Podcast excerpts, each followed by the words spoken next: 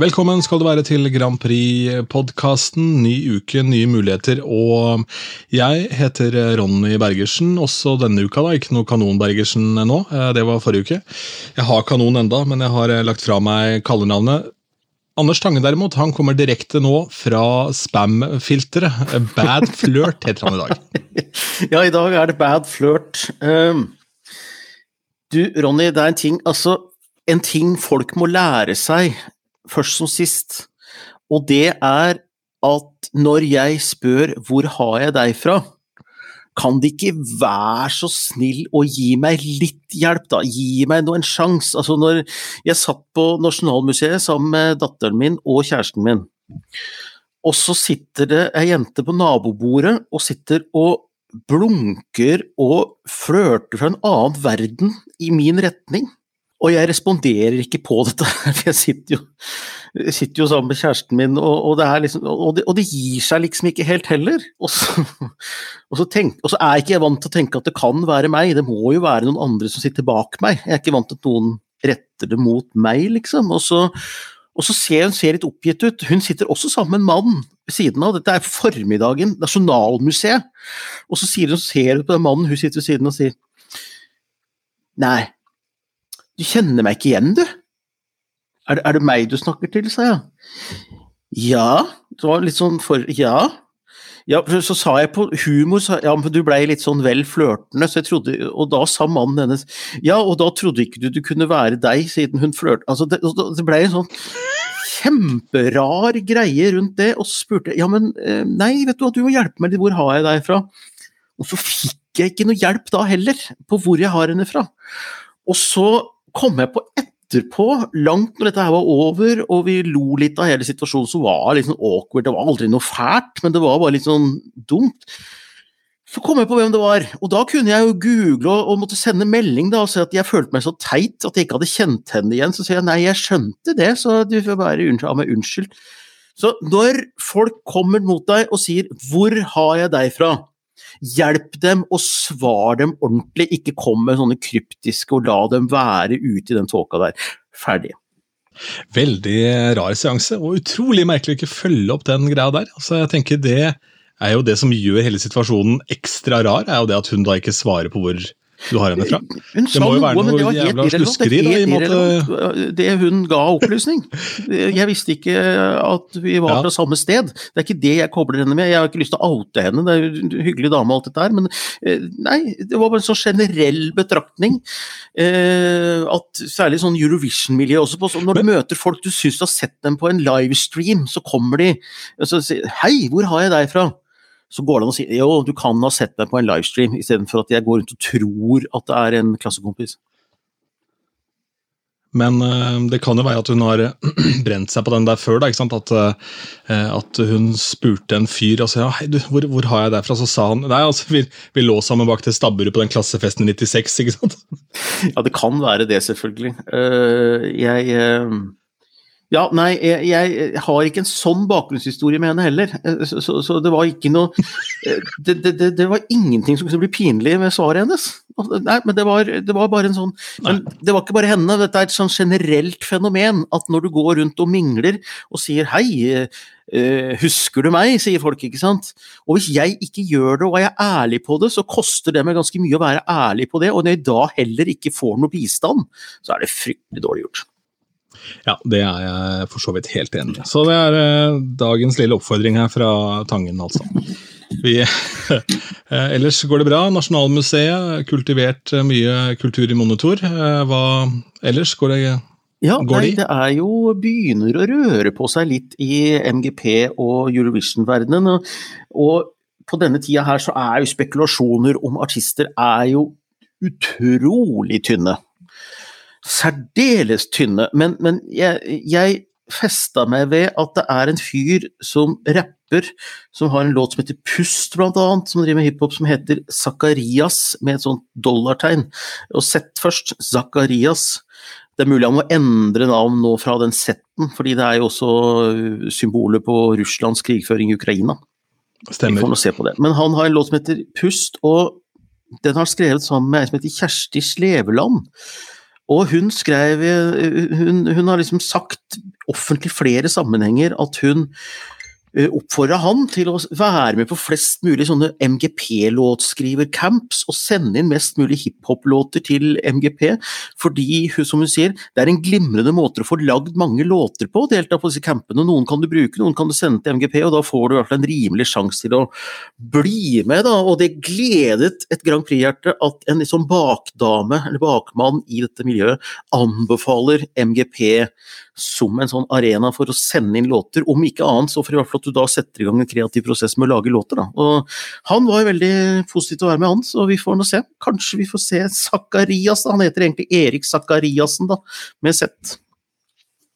Det handler jo om mengdetrening, dette her òg, som så veldig mye annet. Skal du bli flink i noe, så må du jo skrive de låtene. Det er ikke alle som kan høre som, uh, som Brian Johnson i ACDC, som den første sangen han skrev i livet, var 'Back in Black', og nummer to var 'You Shook Me All Night Long'. nei, det, nei men, men, så er det jo også blitt sagt at Nei, men han hadde to sanger, han. Altså, ikke, ikke, jeg sier ikke det eller han, men det er liksom sånn der, det er litt sånn som å gi ut en førsteskive. Det, det, det kan egentlig ganske mange gjøre, men det er dette å lage to, da. Eh, litt sånn med bøker, og at sier, altså, noen sier at du har jeg hadde én bok, da. En som heter Jan Wiese. Jeg vet det er mye kultur i monitor her, jeg beklager det, det skal ikke bli en vane. Men Jan Wiese skrev en bok som het 'Kvinnen som kledde seg naken for sin elskede'. Og den, og den fikk fantastiske anmeldelser, og solgte, og det blei bare med den ene boka, for han hadde jobba i et forlag. Men han hadde ei historie han hadde lyst til å skrive, og den ble råbra. Men det er den eneste boka han har skrevet. Så noen har sånn én sang. Mm. Ja. Brian Johnsons tilfelle så holder det vel med de to, da. Hvis du skal skrive to sanger, så hvorfor ikke Batman? ja, nei, det, hvis du, hvis du har, han var heldig med de to han hadde, da. Jeg har jo ikke vært så heldig.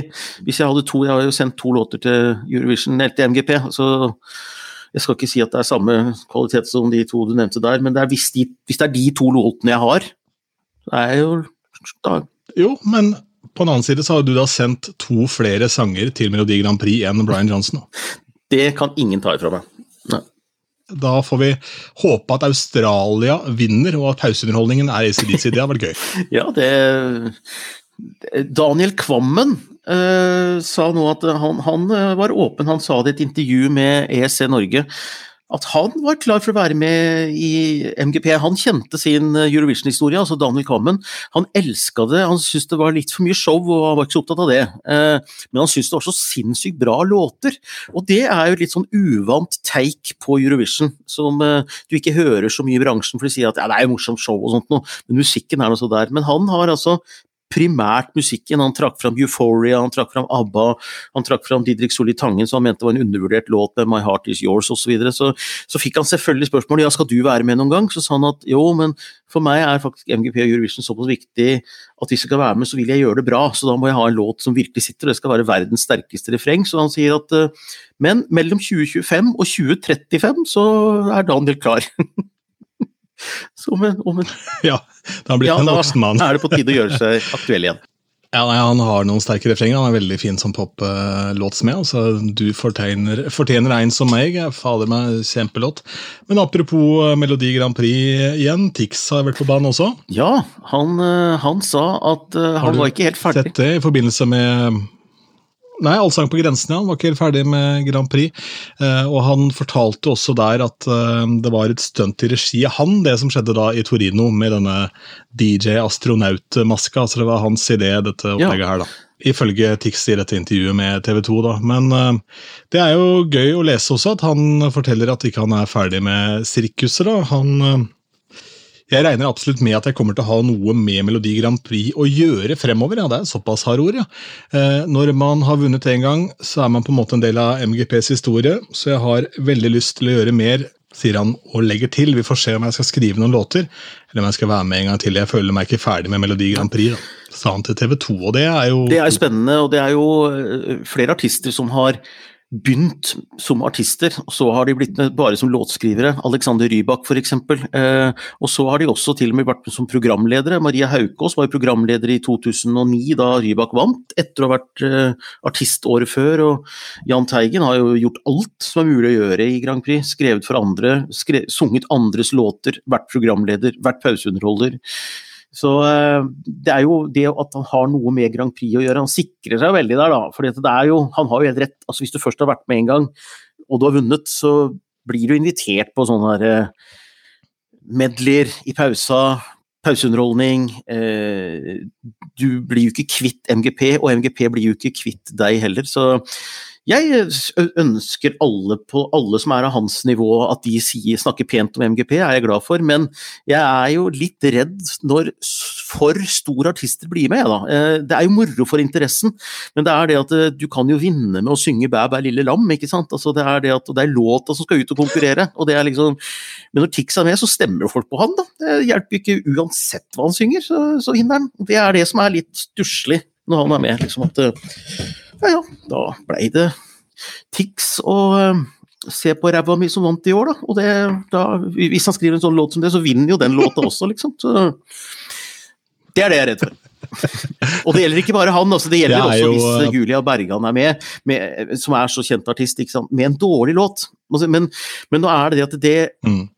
Når de er så kjente, så minsker jo muligheten for at det er så dårlig også. Da. Jeg tror jo ikke Tix er så tonedøv at han stiller med noe som er dårlig, men det er liksom det som, jeg, det som er frykten med en stor artist. da. Hvis du vinner, så må du også hevde deg i Europa, og det er klart at da må man jo ha en eller annen sang med appell i Europa og se på ræva mi. altså Den har kanskje ikke så mye appell i. Det kommer an på ræva, da, men da må man jo ha med seg en ja, da, og, og Tix vil aldri stille opp i MGP med en låt som heter det, og, og, og det er ikke noe fare for det. Det var ikke et, dårlig måte å illustrere et poeng på, men uh, Men apropos ja. ræva til Tix, da. Vi, vi, drar litt videre, ja. Ja, det det ja, nei, jeg tenker, altså, må bare ta den der, fordi Han har ganske lite rumpe, sånn jeg tenker. Det er bare en planke med høl i, på en måte. Ellers så har jeg hørt også at uh, den ukrainske kulturministeren Bare for å gå over til noe nei, nei, Deilig. Jeg vet hva, jeg kjente et sted for um, Eh, jeg har ikke lagt merke til det, eh, Rumpe Bergersen. Jeg har ikke det, men, eh, men det, er, det, er, mulig det at han har Kulturministeren i Ukraina! Oleksandr eh, Tsjakenko har blitt intervjua i en eh, ukrainsk TV-kanal, ligger på YouTube. Og eh, der sier han, og dette skriver da Weevybloggs om nå, som er den store bloggsida om Eurovision-ting, skriver at han lover at det kommer til å bli ganske mye ukrainsk i den britiske finalen. Han snakker om at det kommer til å være Ukrainian presenters, altså type programledere, ukrainske flagg, eh, postkort fra ukrainske byer, eh, og det, skal, og det flys over en sånn Ukraine Creative Group som skal være, jobbe rett og slett i BBC, sammen med BBC, for å prege dette her. Så det blir nok riktigere formulert å si at, at Storbritannia skal arrangere Eurovision på vegne av Ukraina, istedenfor å si at de skal kun arrangere det. For det blir nok et veldig ukrainsk preg på det, tror jeg altså. Det skal også sies at det er en stund frem, da. så det kan jo hende at uh, ting skjer uh, her og der som gjør den situasjonen mer eller mindre vanskelig. Man vet jo ikke, det er jo pågående situasjon i Ukraina akkurat nå. Ja, den er jo ikke avklart den situasjonen. På noe vis, nei. Absolutt ikke. Eh, det som derimot er avklart, er jo at de har solgt trofeet sitt. disse Ja, Hva fikk de for det? Vet du det? De fikk en hel haug med penger på dette. her. De fikk 900 000 dollar, 8,5 millioner kroner, eh, for dette trofeet, som ble kjøpt av Whitebit, som er da et uh, ukrainsk selskap som driver med utveksling av kryptovaluta. Og penga går da rett til uh, ja, rett og slett til våpen. De skal gå rett til militæret. Ja, jeg vet ikke hva, hva, hva ligger det sånn missil på i løsvekt for tida, da? Jeg vet ikke hvor mye du får for de penga der? Nei, altså, hva prisen på, på, våpen og militært materiell eh, angår, så er det vel bare den der eh, den der uh, fregatten som jeg har å måle med. Og den koster i hvert fall ja. jævla mye penger. Du skal vinne Eurovision noen år for å kjøpe den for trofeer. Uh, en liten podkastanbefaling der, forresten, som er veldig gøy å høre på. Uh, de er flinke. Konspirasjonspodden. Som tar konspirasjonsteorier på alvor. så De har sittet og utforska litt på dark web nå for å finne ut av ja, er det mulig å få våpen her, hva koster det? De gjør det med sånn lett tone. Så um, det skremmende som de finner ut, blir presentert egentlig ganske underholdende. Så vi får jo være litt kollegiale mot våre podkastkolleger. De er jo da for øvrig en del nå av Podme, vel, så du må jo inn og betale penger for å høre på dem. Oh, ja. I, det trenger du ikke med oss. Ja, men vi er eh, Vi er, dette er ikke verdt å betale for. på så det er, nei, vi står på et annet gatehjørne. Litt lenger ned i gata. Ja, ja det er, det er. vi står der med koppen, ja, det er helt riktig. Men eh, anywho. Eh, Kari, Carola eh, hun eh, spiller jo Maria Magdalena i kveld, så er jeg på Olavfestdagene. Det er en sånn uroppsetning av den, den forestillingen der. Gleder seg veldig til det. Hun er jo temmelig religiøs, og Carola, så dette passer jo som hånd i hanske. Ja, og hun, har, hun er veldig religiøs, og det har vært fascinerende hvor lite hun egentlig har på en måte Det skal hun ha. Uh, har brukt det i Eurovision-sammenheng som sånn ren misjonering. Altså hun kunne jo gjort, kunne dratt på mye mer. Hun bruker hver anledning til å bli intervjua i presse og sånn ellers, men når hun er på scenen, så er det full fest. Det er full party, liksom, og det er glitter, og det er uh, nesten så Jeg vet ikke om hun drikker alkohol. eh, men jeg ser liksom ikke for meg at hun ikke gjør det av en eller annen grunn, selv om hun er religiøs. Det er liksom, Hun oser jo sjampis, så det er et eller annet med sånn Ja. Jeg kan være rusa på livet, da. ja det, I så fall så Hun har jo levd et liv. Det har vært mye styr rundt henne, så hun behøver kanskje ikke så mye annet. Nei, det har vært eh, noe eliksirer i den gryta hun falt i, det er ikke noen tvil om det. altså. Men jeg fikk jo bakoversveis her, så jeg leste da på nettsiden til Olafesthagene, eh, og heldigvis fikk jeg oppklart det, da. Men eh, det er jo da en eh, ganske kort liste over folk som har roller i denne oppsetningen. Det er Maria Magdalena, spilles av Carola. Jesus spilles av Fiks. Anders Wyller. Ja. er nesten, da. Men her, her gikk jeg på en lignende smell, da, for her Jesu mor spilles av Grete Svendsen, og tenkte jeg umiddelbart at det var Banjo-Kari, Kari Svendsen. Nei, nei, nei. Kari Svendsen det- står det var ikke på jo- scenen på det var jo selvfølgelig- sammen med Carola. Gjør ikke det. Og Anders Wyller. Hun spiller, Kari Svendsen spiller ikke Jesu mor, altså. Hun spiller på Josefine av og til. Forrige gang jeg så Banjo-Kari, var ja, eh, og hun spilte da de rev da de, da de rev eh, Jordal Amfi i Og da de reiv, ja. Det var ikke på åpningen av det nye, men det var på rivingen av det gamle. Mens det var sånn støy i bakgrunnen. Hun spilte da de slo da de slo den der kula. Nei, Det er ikke tull engang. Der sto Banjo-Kari, ja. Samme Jan Bøhler. Jan Bøhler holdt tale, og hun spilte, og så reiv de Og vet du, hva, det hadde jeg kjøpt billett til, merker jeg. Det hadde jeg virkelig kjøpt. Ja, det ligger på ja. nett. Ja. Men så bra.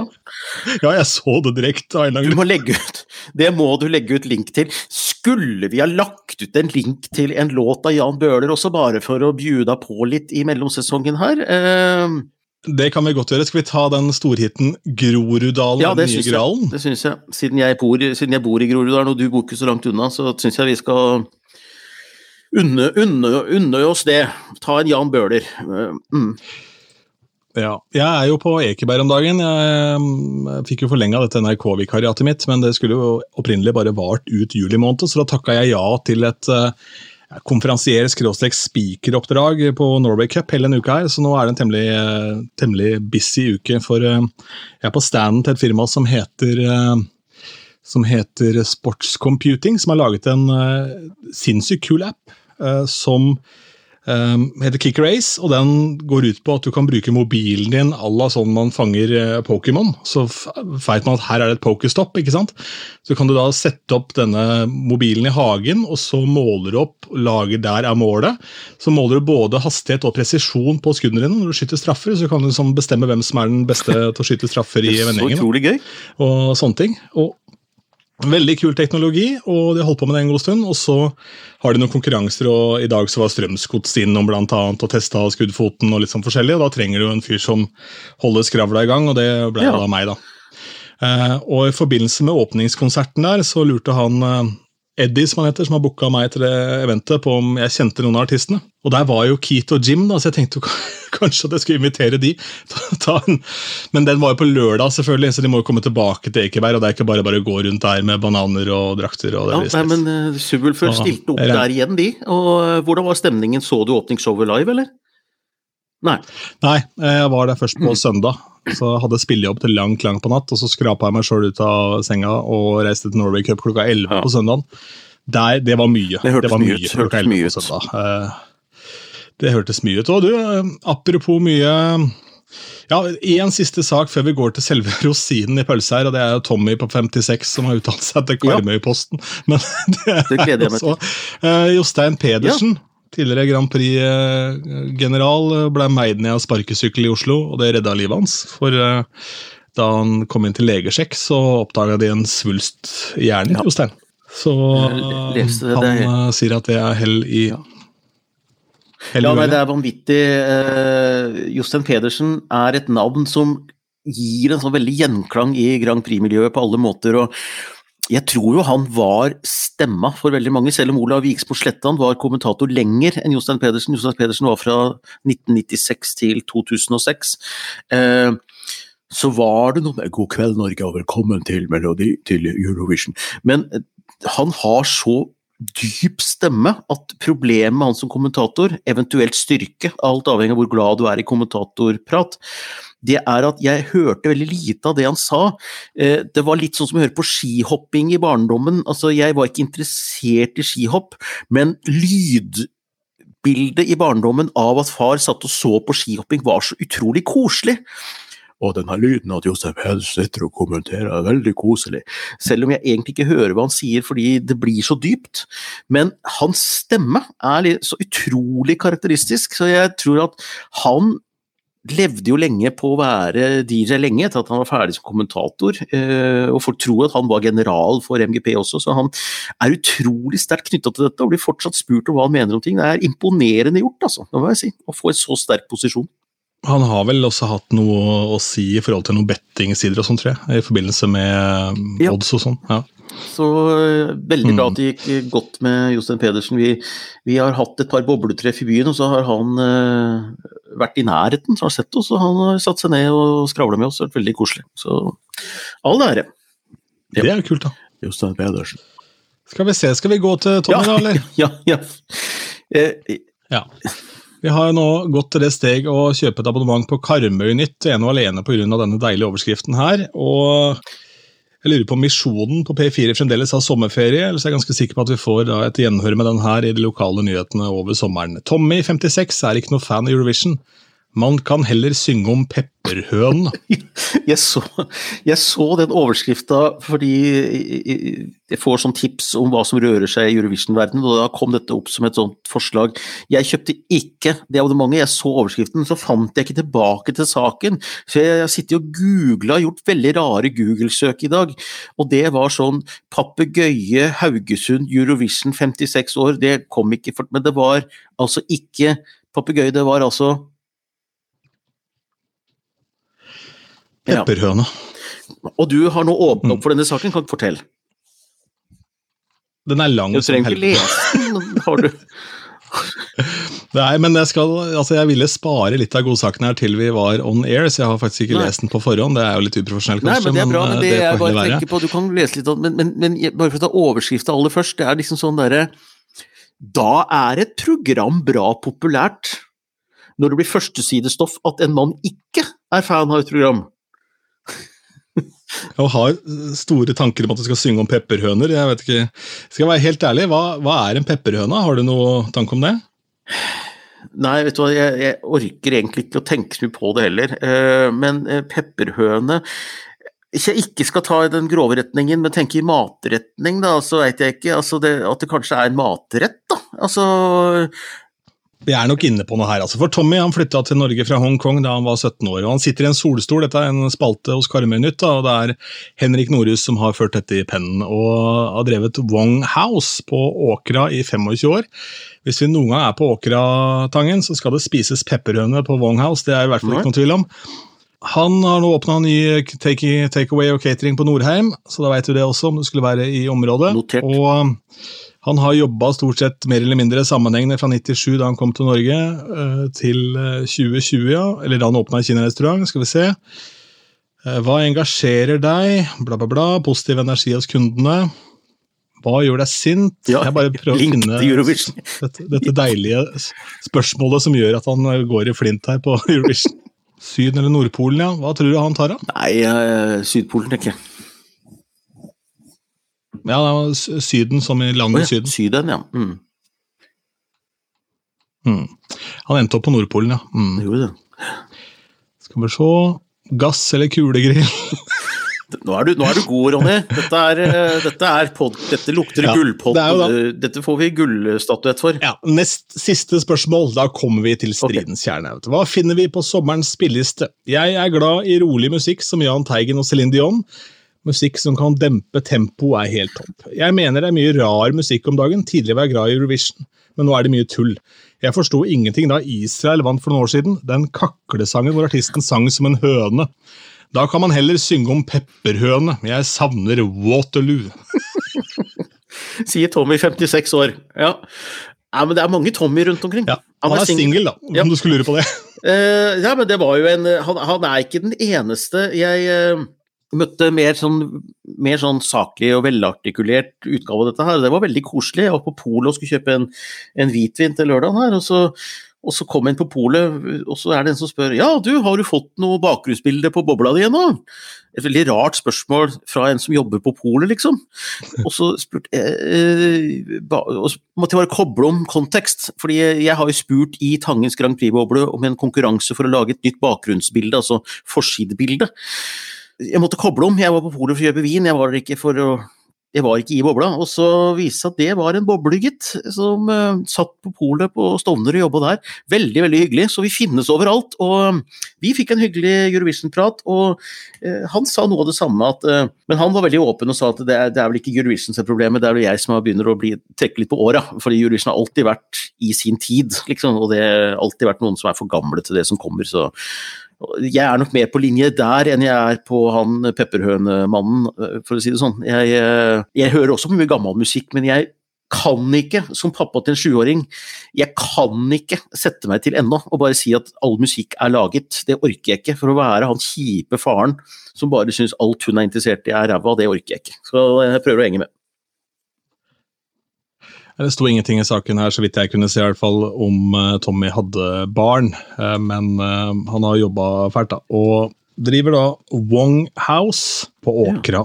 Har drevet det i 25 år. Så det er bare å glede seg til til ja, neste års Eurovision da, for Tommy. Se om, se om pepperhøna dukker opp på bordet da. Han bør jo også utvilsomt starte en sånn greie hvor han viser Eurovision i kinarestauranten og serverer Ja, ja, pepperhøna. Altså, hadde blitt stappa kjappe. Og Har jeg forresten fortalt deg om mitt konsept, altså mitt uh, Eurovision-konsept uh, med øl? nei, Ronny, det har du ikke. Vær så god. Dette kom jeg på da i, eh, i Tsjekkia, som er da pilsens hjemland. ikke sant? Det er jo Selveste pilsen UQL kommer jo derfra. Og etter eh, en 10-12-15 sånne, da, så satt jeg og prata med min kompis Paul, som jeg pleier å reise med. og så fant jeg at det hadde vært en helt fantastisk kul idé å sette Eurovision og hatt ølsmaking samtidig. Ja. Ja. Og så var vi ganske fulle, og så lo vi litt av det. Og så gikk jeg inn da faktisk i fylla og kjøpte beerovision.com. uh, og så våkna vi dagen etterpå, så så jeg e-posten. Uh, send inn uh, registrering eller noe sånt for uh, Beerovision. Og så ble vi sittende og prate om det den dagen også, så fant vi ut at det ville bli enorme mengder med alkohol. Mm. Så da endte vi opp med at det måtte være snitt, det måtte Ja, smakes ja. det forskjellige, og så er det veldig mye organisering her, da. ikke sant? Men dette tror jeg kunne blitt en sånn Tom Waitz-greie, dersom dette fikk satt seg. La oss si du gjorde det da i et lite lokale første året, og så vokste det etter hvert, så ble det Ja. en sånn greie hvor For man må jo drikke den enheten også mens Ja, låta spilles, så det er korte sanger, så vi regna litt på det. som Så folk blir pærefulle. Den vinner ikke. Det, det, det, den siste startnummer vinner neppe. Og så var tanken at man skulle rate da underveis, ikke sant? for da vil jeg tro at uh, musikken blir bedre og bedre bedre ja. etter hvert som kvelden Ja, går. ja. ja. Jeg tror at med den konseptet der, så tror jeg at låter rundt 15.-plass gjør det veldig bra. Og så tror jeg i starten så tror jeg ikke de eh, gjør det så bra, og så tror jeg ikke de på slutten, men rundt 15, rundt der, der tror jeg det er eh, høy stemning og eh, høye score, altså. Nei, men det, det er, eh, det Det er jo faktisk, det er faktisk en kjempegod idé, da. Det er jo veldig, veldig morsomt. Jeg eh, for meg blir det for mye å konsentrere seg om. Det, skal smakes, og det skal organiseres, det skal helles bitte små øl, og det skal ses postkort fra Ukraina, og det er liksom For meg blir det for mye, men, men for de som ikke er så interessert, og som har dette samme, samme forhold til Eurovision som jeg hadde til denne skihoppinga jeg snakket om, at det egentlig bare er koselig å ha det en gang i året i bakgrunnen, så er dette helt genialt, og vi trenger dem som ser også, for å holde ratinga oppe. Det var to ting som stoppa det. Det ene var da selvfølgelig å få tak i øl fra alle disse Ja. landene. For du, Enten det må du ha en på en sånn jokerøl, da, hvor det er nasjoner som er vanskelig å få tak i øl fra. Men da er det alltid en sånn vriompeis som sier jo, men de har jo det der og der. ikke sant? Så da blir det en sånn greie ut av det. Så da måtte du gått all in og fått tak i den ølen. Og det hadde gjort at kostnaden hadde blitt meget høy.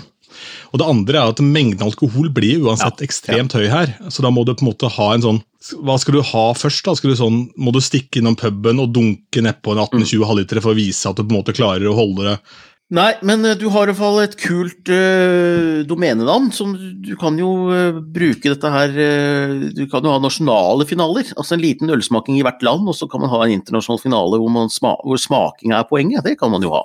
Når det skal sies, så er det bare å ta det domenet, for nå har jeg da ikke lenger det domenet. Jeg har sagt det fra meg nå fordi jeg måtte rydde opp. Jeg hadde så mye tull. Jeg eier porfavor.no. Ok. Ja, ja. Jeg, jeg gir fortsatt bare tull.no, ja. ja, det var egentlig det jeg konkluderte med, at det ville bli bare tull. Det blir veldig mye jobb, og min, min store drøm om å se det i Oslo Spektrum tror jeg neppe blir Men det er et godt altså. navn, det må jeg si. Eurovision.